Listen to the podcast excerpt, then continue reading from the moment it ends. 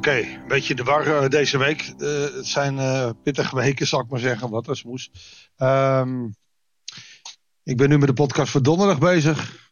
Dus ik had op woensdag die voor dinsdag gemaakt. Op woensdag die voor donderdag gemaakt. Maar die had voor woensdag moeten zijn. Dus het ging een beetje door de war. Excuses voor de verwarring. Een goede vriendin heeft het laten weten.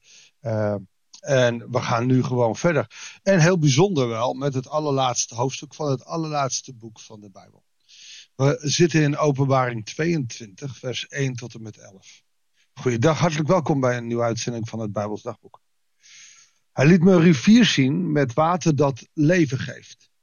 De rivier was helder als kristal en ontsprong aan de troon van God en van het lam. Dit doet me denken aan uh, Ezekiel, ik geloof dat het 47 is. Ook die rivier die uit de tempel begon.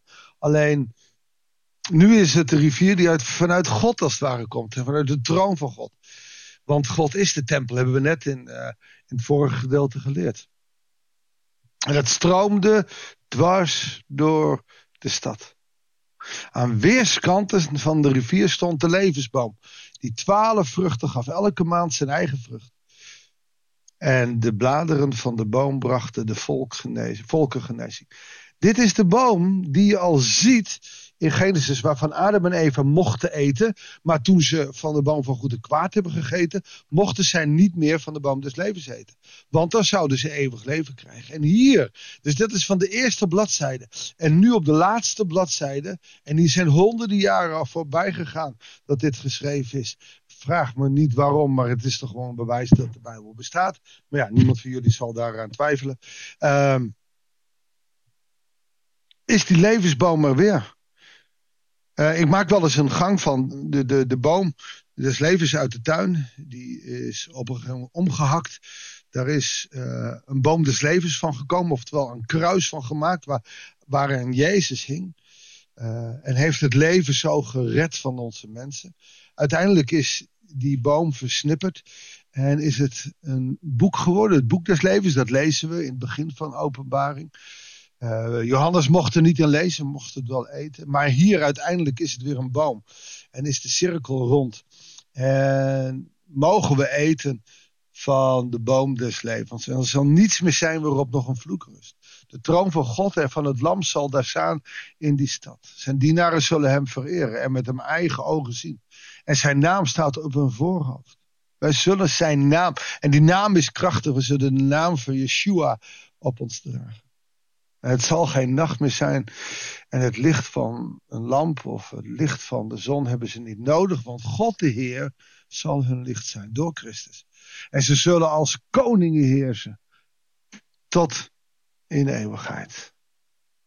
Dus die levensboom staat er dicht bij die troon. En er komen twaalf maanden vrucht af. Elke maand zijn eigen vrucht. En de bladeren van de boom brengen genezing. Geweldig hè? Oftewel, in, in, in het nieuwe hemel en nieuwe aarde zal je niet muziek zijn. Gewoon van de bomen plukken en eten. En er zal geen boom zijn waar je niet aan mag komen. En toen zei hij tegen mij, wat hier gezegd is, is betrouwbaar en waar. De Heer, de God die profeten bezielt, heeft zijn engel gestuurd om aan zijn dienaar te laten zien wat er binnenkort gebeuren moet. Ik kom spoedig. Gelukkig is wie zich aan de profetie van dit boek houdt. Ik, Johannes, was het die deze dingen hoorde en zag. En toen ik alles gehoord en gezien had, wierp ik me aan de voeten van de engel die me deze dingen liet zien, om hem te aanbidden. Maar hij zei, doe dat niet. Ik ben een dienaar zoals jij, je medeprofeet. En zoals degene die zich houden aan wat er in dit boek staat, je moet God aanbidden. En verder zei hij tegen me, houd de profetie van dit boek niet geheim, want de tijd is nabij. En dat is een uitspraak die in het hele Nieuwe Testament lastig is. De tijd is nabij. En, en dat zegt alleen maar dat we moeten leven. Alsof dit morgen gaat gebeuren. Dat er geen auto nieuw meer komt. Dat morgen Jezus terugkomt op de wolken. Kun je nagaan wat er dan nog moet gebeuren. Dus is het vermoedelijk, het maakt me niet uit. Ik probeer te leven alsof Jezus morgen terugkomt. En daar doe ik lang niet altijd genoeg mijn best voor. Laten we dat samen gaan doen. En dat is geen voornemen voor het nieuwe jaar, maar dat is een opdracht. Leven. Of als Jezus morgen terugkomt, hoe steeds ziet je leven er dan uit? Gaan er dingen veranderen? Nou, als dat zo is, moet je dat nu al gaan veranderen. Laten we geen engel aanbidden. Laten we elkaar niet aanbidden. Laten we geen afgoden aanbidden. Alleen God. Deze God die heeft ons in dit boek gezegd dat het eind der tijden nabij is. En dat hij spoedig zal komen. En dat we onze ogen op hem gericht moeten houden. Ook in, misschien wel juist in die gebrokenheid waarin we nu leven. Blijf in hem geloven. Wie onheil aanricht, zal nog meer onheil aanrichten. En wie onrein is, zal nog onreiner worden. Wie goed doet, zal nog meer goed doen. En wie heilig is, zal nog heiliger worden. Het zou een tegeltekstje kunnen zijn bij oma op de schouw. Maar het is, het is een feit. Het komt er nu op aan. Doe je onheil of doe je uh, heil? Ben je onrein of ben je heilig? En als jij heilig bent, dat betekent niet dat je een heilig boontje bent, dat je alles maar goed doet. Maar als jij streeft om Christus in je te hebben, om vol te zijn van de Heilige Geest, dan zal Hij je heiliger maken. Hij verwacht wel dat we ons best doen. Als wij ja zeggen tegen Jezus, dan zullen we ons best moeten doen. Dan zullen we heilig moeten leven. En hoe dat is, ja, weet je, daar moet je de Bijbel echt voor lezen. En daar kun je de Bijbel eigenlijk op, op een paar manieren voor lezen. Als een zwaar boek en daar kan ik niks aan doen en je doet niks. Als een boek zegt, zo zou het moeten, maar ik doe het anders. Of ik volg Jezus, ik wil volledig afhankelijk zijn van hem. En ik ga me de stinkende best daarvoor doen. Dan leef je heilig. Wees heilig, want ik ben heilig. Als een volwassen christen. Om vijanden te vergeven. De andere wang toe te keren. Ik zal je heel erg helder maken hoe moeilijk dat is. Vorige week hadden we hier thuis een, een hele zware week. We werden, nou, ik vond het echt geestelijke strijd en het kostte ons ook nog heel veel geld.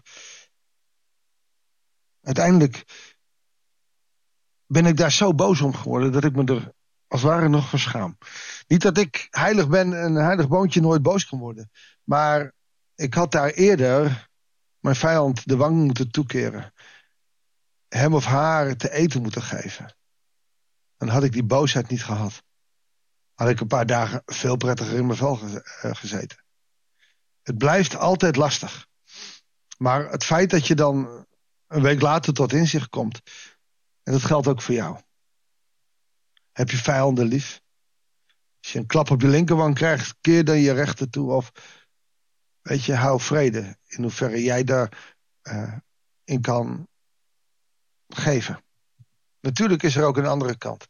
Maar laat het niet van jou afhangen. Het was een les die ik moest leren. En opnieuw wil ik heilig worden. En nog heiliger worden. En ook de boze gedachten die je soms nog hebt van me afwimpelen. Ik wil het loslaten. In ieder geval voor het nieuwe jaar. En in ieder geval ook voordat we klaar zijn met dit boek. Want ik wil eten straks van de levensboom. Wat een geweldig vooruitzicht. Wat een bemoedigend boek. Ik sprak iemand uh, naar aanleiding van een preek die ik heb gehouden. Die zei: Ja, openbaring, als je het goed leest, is het een liefdesbrief van God aan de rechtvaardigen, aan degene die in, uh, van hem houden. En zo is het maar net. Daar wil ik mee eindigen. Mag ik voor je bidden? Heer, zegen ons met alles wat we gehoord hebben. Vanuit dit boek, Heere God. Vanuit die levensboom mogen we straks weer eten. Hij zal staan in het midden van die nieuwe stad. Heer, Dank u wel dat u die belofte gedaan hebt. En u bent trouw en u zult doen wat u beloofd heeft. Dank u wel voor die zegening. Dank u wel dat u de Alpha en de Omega bent. Dat u van het begin tot het einde altijd aanwezig bent, Heere God. Ook als wij het niet zien. U bent er wel. Dank u wel daarvoor. Dat bidden wij u in Jezus' naam. Amen. Dank je wel voor het luisteren.